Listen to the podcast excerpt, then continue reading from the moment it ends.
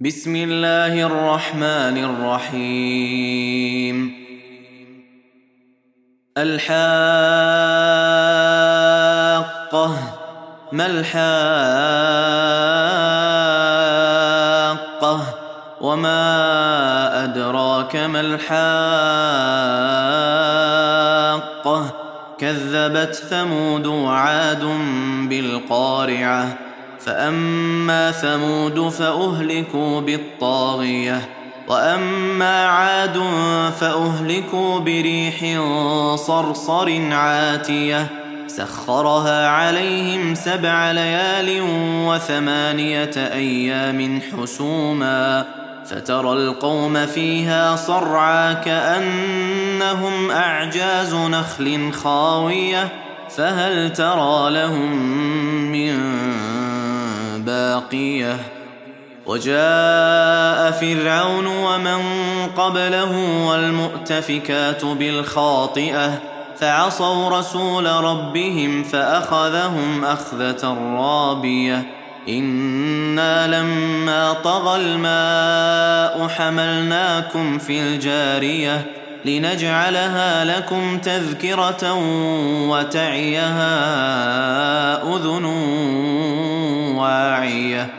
فإذا نفخ في الصور نفخة واحدة وحملت الأرض والجبال فدكتا دكة واحدة. فيومئذ وقعت الواقعة وانشقت السماء فهي يومئذ واهية. والملك على ارجائها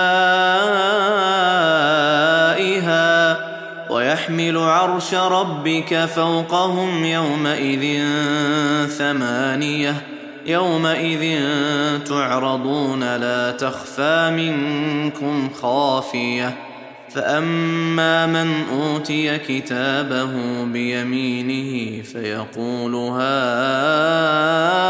اقرءوا كتابيه إني ظننت أني ملاق حسابيه فهو في عيشة راضية في جنة عالية قطوفها دانية.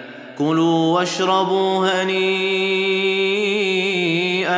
بما أسلفتم في الأيام الخالية.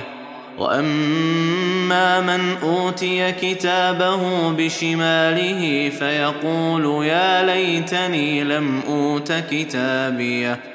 ولم أدر ما حسابيه. يا ليتها كانت القاضية.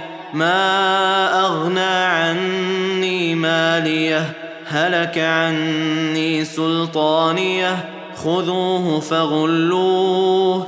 ثم الجحيم صلوه. ثم في سلسلة ذرعها سبعون ذراعا فاسلكوه إنه كان لا يؤمن بالله العظيم ولا يحض على طعام المسكين فليس له اليوم هاهنا حميم ولا طعام إلا من غسلين لا يأكله إلا الخاطئون.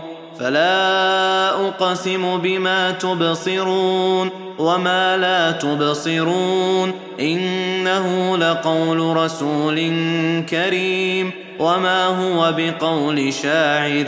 قليلا ما تؤمنون. ولا بقول كاهن.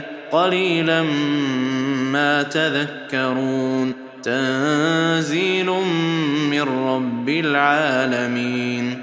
ولو تقول علينا بعض الأقاويل لأخذنا منه باليمين ثم لقطعنا منه الوتين. فما منكم من أحد عنه حاجزين وإنه لتذكرة للمتقين. وأنا لنعلم ان منكم مكذبين وانه لحسره على الكافرين وانه لحق اليقين فسبح باسم ربك العظيم